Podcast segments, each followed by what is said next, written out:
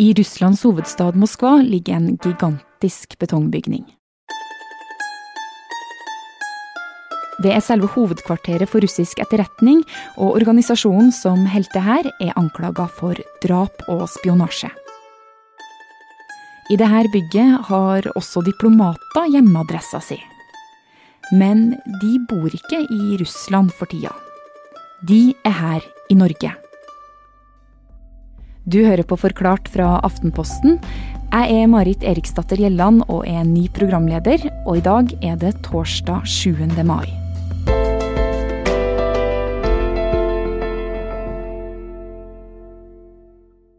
The greatest threat the United States now faces is the Soviet Union. De fleste spionhistorier kjenner vi fra film og TV. I know something happened to you. Vold, intriger, drap og spenning. undercover agents hiding all over the U.S. No one has any idea who they are. Il nous faut être vigilant et impitoyable. Men den saken journalist Per Anders Johansen har jobba med det siste året, er helt ekte. Han har funnet tre diplomater i Norge som har koblinger til russisk etterretning. Ja, dette er jo et eh, arbeid som strekker seg tilbake helt fra den gang jeg var korrespondent. Og det vi da gjorde, var å rett og slett gå gjennom eh, eh, listene over diplomater ved den russiske ambassaden, og så samkjøre det med hvor de oppga å bo. Og slik kom vi fram til disse tre. Og dette er jo selvfølgelig bare en liten del av det russiske etterretningsapparatet vi har i Norge. Og hva er det denne russiske etterretningstjenesten GRU driver med? Den eh, russiske militære etterretningstjenesten GRU har eh, et eh, enormt apparat. Det består av en rekke ulike avdelinger som spesialiserer seg på alt fra å drive påvirkningsoperasjoner, altså hvor de prøver å plante ting i utlandet, til å rett og slett verve agenter, til å de bruker veldig mye tid på militærspionasje, altså f.eks. i måle hvor store veier er, hvor de kan lande flyene sine i andre land, hvordan man kan, skal kunne gjennomføre en, en militær operasjon. Og uh, i tillegg så holder de på veldig mye med eh, signaletterretning. En tidligere russisk dobbeltagent og hans datter Britisk polis holder pressekonferanse om hva som hendte den ryske spionen Sergej Skripal. Politiet mistenker at han er utsatt for et attentat. Two individuals named by the police and CPS are officers from the Russian Military Intelligence Service. Den mest kjente saken eh, fra nyere tid er eh, Grus operasjon i Storbritannia og Salisbury. Britisk politi har jo pekt ut to gruagenter som eh, drapsmenn som dro til den avhoppede spion Sergej Skripal og plasserte livsfarlig gift på dørhåndtaket og eh, tok nesten livet av både han og hans eh, datter. Og det var jo en, eh, en tredjepart, en uskyldig mann, som døde som følge av dette her. Dette her er godt dokumentert gjennom bilder, og, eh, og, eh, og, britene er helt sikre på at det var de som sto bak dette her. De to GRU-agentene er nå sikta for giftangrepet på Sergej Skripal og dattera hans. Dette er det eneste intervjuet de to har gitt. Til russisk-kontrollert eh, TV, Russia Today, så sier de at de bare var turister i Salisbury for å se på gotisk kirkearkitektur.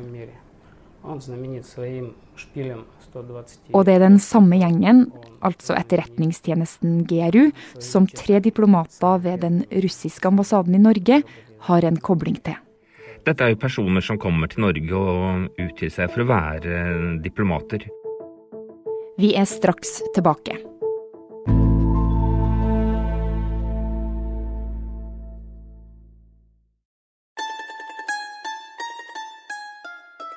Da Per Anders Johansen søkte opp ansatte ved den russiske ambassaden i Norge, fant han tre interessante personer.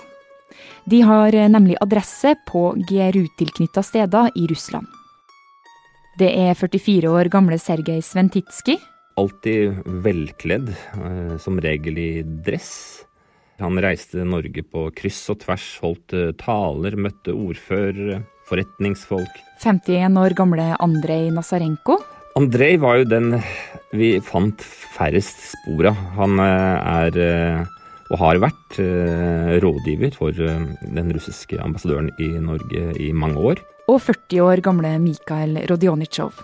Han fant vi også i adressebasene, og måten vi sporet han opp i sosiale medier var rett og slett fordi at han var så veldig glad i å spille et veldig populært russisk spill som heter Hvem, hva, hvor. Og før for jul så var han uh, med et lag uh, som gjorde det veldig bra i den lokale Hvem, var hvor-konkurransen her i Oslo for, for russiskspråklige og russere. Og der skrev hans, hans medspillere at han, han, er som en historiker og detektiv, og vet ting som ingen andre aner noe om. Men det var vel ikke så veldig mange av de som var til stede der som også visste at han kom rett fra Gru før han kom til Oslo. Ja, Kan du si sikkert om hvorfor de her tre er i Norge? Det vet vi ikke, og vi har jo ikke fått eh, snakke med dem eh, selv. Eh, og et spørsmål som vi brukte mye tid på å diskutere og snakke med andre kilder om, var jo hva vi skulle legge i det at disse adressebasene viser hvilken status hadde, de hadde før de dro til Oslo. Altså de sto oppført i, med grus som bostedsadresse og tjenestested før de dro til Oslo. og det er ingen av de ekspertene vi har vært i kontakt med, verken i Danmark, Norge, Storbritannia eller Russland, som har noe som helst tro på at de sluttet å jobbe i GRU når de dro til eh, Oslo. Snarere tvert imot. Altså de var i GRU for at de skulle kunne tjenestegjøre i andre land.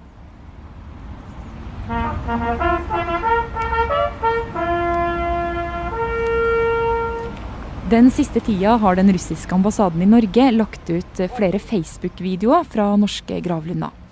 I denne fra slutten av februar i år så står gardesoldater oppstilt på Vestre gravlund i Oslo. Foran publikum i tjukke jakker legger to menn ned en blomsterkrans på minnesmerket for falne sovjetiske soldater.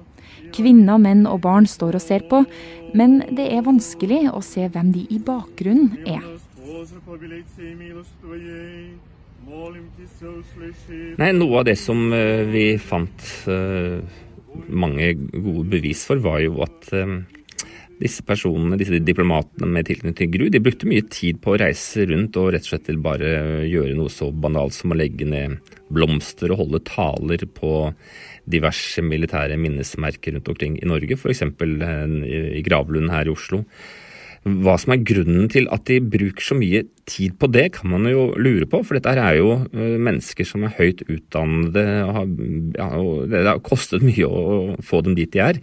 Men dette er faktisk et mønster vi kjenner igjen fra mange andre land, også fra den kalde krigen, hvor det å det å skal vi si minnes eh, Sovjetunionens store oppofrelser, store tap av menneskeliv, eh, er en viktig del av også etterretningsagentenes eh, arena, fordi at det var et sted hvor man kunne møte mennesker som kanskje var vennligstilte til Russland, som hadde forståelse for Russlands perspektiv, og det var en måte å rett og slett komme rundt uh, i i, eh, i landet for å, for å, møte mennesker. Og Hvis du ser dette her fra den andre siden, f.eks. PST ståsted, de har jo ansvaret for å passe på utenlandsk spionasje i Norge, så er det i praksis nesten umulig å følge med på alle disse reisene og hele tiden vite hvem de treffer, og, og, og hva som skjer. Kan du si litt mer om hva annet er det de gjør enn å dra på de her seremoniene? De dukker også ofte opp på um, forretningskonferanser, eh, møter eh, hvor man snakker med næringslivsfolk. De arrangerer sine egne møter under påskudd av å være møter i den russiske handelsrepresentasjonen, og der eh, dukker da også disse opp blant andre helt legitime diplomater og, og, og forretningsfolk som har en viktig jobb å gjøre. Og det er fordi at de her vil kunne treffe kontakter, eh, bli kjent med mennesker, personer man vil kunne ringe igjen. Og eh, på et eller annet tidspunkt så vil de da gjøre en vurdering om det er verdt å gå litt videre. Og det vet man jo at russiske agenter gjør stadig vekk. Det finnes PST jeg sier at de har en rekke eksempler på personer som er forsøkt vervet eller overtalt eller presset for å gi fra seg informasjon. Men hva er målet? Hvorfor er de her? Russisk militær etterretning har jo et veldig langsiktig perspektiv på mye av det de gjør. Eh, de jobber i en eh, virkelighet hvor man forestiller seg at ok, hva som skjer om noen år, det er det ingen som vet. Og, og, vi samler informasjon, og vi klargjør. Men i en del av de andre operasjonene hvor de da har blitt avslørt de siste årene, så har GRU tatt i bruk eh, virkemidler som har eh, sjokkert og skremt eh, store deler av verden. Det at man valgte å bruke gift i Salisbury slik man gjorde, det var noe som vi ikke har sett etter krigen, iallfall som har blitt avslørt. og og det tyder på at de, de, har, altså de, de ser seg tjent med å bruke virkemidler som rett og slett skaper litt skrekk og gru og, og, og uro. Hos Politiets sikkerhetstjeneste jobber det folk som skal oppdage utenlandske agenter i Norge. Per Anders har snakka med Hanne Blomberg, som er sjef for kontraspionasje. Dine si, kolleger i gåseøyne i Russland de, jo, de skryter jo ofte av hvor mange spioner eh, de tar. Mm. Eh, men det gjør ikke dere. Har dere tatt noen i hele tatt det siste året? altså, vi la jo frem materialet vi hadde funnet for um, PST, og det de sier er at de tror det reelle antallet etterretningsoffiserer i Russland er, er, langt høyere enn disse tre. Men de bekrefter jo at de er klar over at uh, både russerne og enkelte andre land bruker diplomater som dekker for sine etterretningsoffiserer. Det er ikke bare russerne som gjør det, men kineserne, iranerne og også sikkert vestlig etterretning. Og eh, for eh, PST, som da skal forebygge spionasje i Norge, så er dette her ekstremt krevende. Svært krevende fordi at det er rett og slett, eh, for det første, helt umulig å, å ta dem i den forstand at de har jo immunitet. De kan ikke straffes. Og dessuten så har de i kraft av diplomater en, en, stor fordel, for det er, mange, det er, mange, dører som åpner seg. De kan møte folk som jobber med teknologi, forskning, politikere, eh, forretningsfolk, og sånn sett få en tilgang som de ikke ville fått hvis de var helt eh, vanlige personer. Men hvis PST vet at, eh, at diplomater også jobber for GRU f.eks., hvorfor gjør de ikke noe med det? Hvis vi skrur klokka 20 sånn år tilbake i tid, så hadde vi jo mange eksempler på at norske myndigheter valgte å utvise sovjetiske og russiske diplomater. Men eh, de siste 15-20 eh, årene så har det vært svært få eksempler. Og det er fordi at eh, man fra norsk side tenker som så at vi er ikke tjent med å utvise disse fra, si, fra år til år. Skulle man utvist alle sammen, så ville det ført til at også tilsvarende um, antall vil bli utvist fra den uh, norske ambassaden i uh, Moskva, og det ville komme nye tanken eller holdningen er vel med at dette er bare noe vi må på en måte leve med. Og, og så tar man heller og løser dette her i det stille ved at man f.eks. gir beskjed om at den og den vil ikke få fornyet, fornyet opphold og visum i Norge. Og så unngår man noe som er jo veldig viktig for russerne, at de taper ansikt. I løpet av det siste året har Per Anders samla dokumentasjon om de tre russiske diplomatene. Og til slutt tok han kontakt med ambassaden. Den russiske ambassaden avviser alt og sier at dette er falsk og ulovlig informasjon. De hevder at diplomatene Aftenposten omtaler er blant de beste diplomatene de har ved ambassaden. Den russiske ambassaden går også langt i å antyde at Aftenposten bryter russisk lov ved å publisere disse opplysningene, og de mener at de ikke gjør noe annet enn det alle andre diplomater eh, gjør, nemlig skaffe til veie informasjon. Vi har ikke fått eh, snakke med noen av diplomatene selv, og vi har heller ikke fått noe svar på hvorfor de bodde i Grus hovedkvarter før de dro til, eh, til Oslo. Det de sier bare, er at russerne er vant til at de blir anklaget for å spionere på Norge, og de minner om at det er bare én spion som er arrestert de siste årene, og den spionen er norsk. Og det er jo da Frode Berg. Men hvis vi skal høre litt på den russiske ambassaden, da. De her eh, diplomatene, eh, de er diplomater og de aller beste i den jobben. Eh, men så sier du at det er russere tilknytta GRU. Hvordan kan det ha seg at en journalist klarer å finne ut av hvem de er? Det er jo fordi at vi har klart å koble databaser. Hadde russerne hatt litt bedre datasikkerhet, så burde man jo selvfølgelig ikke plassert alle sine offiserer og agenter med adresse i, i hovedkontoret. Det, altså det er for å ta en parallell. Dette er jo nesten eh, like dumt som om Frode Berg skulle ha adresse på Lutvann hos den norske etterretningstjenesten når han dro til eh, Russland.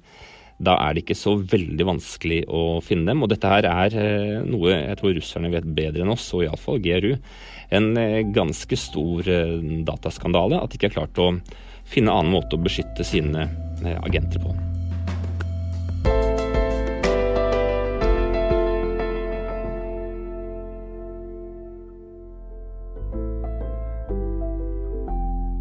Forklart lages av Caroline Fossland, Fride Næss Nonstad, Anne Lindholm, Andreas Bakkefoss og meg, Marit Eriksdatter Gjelland.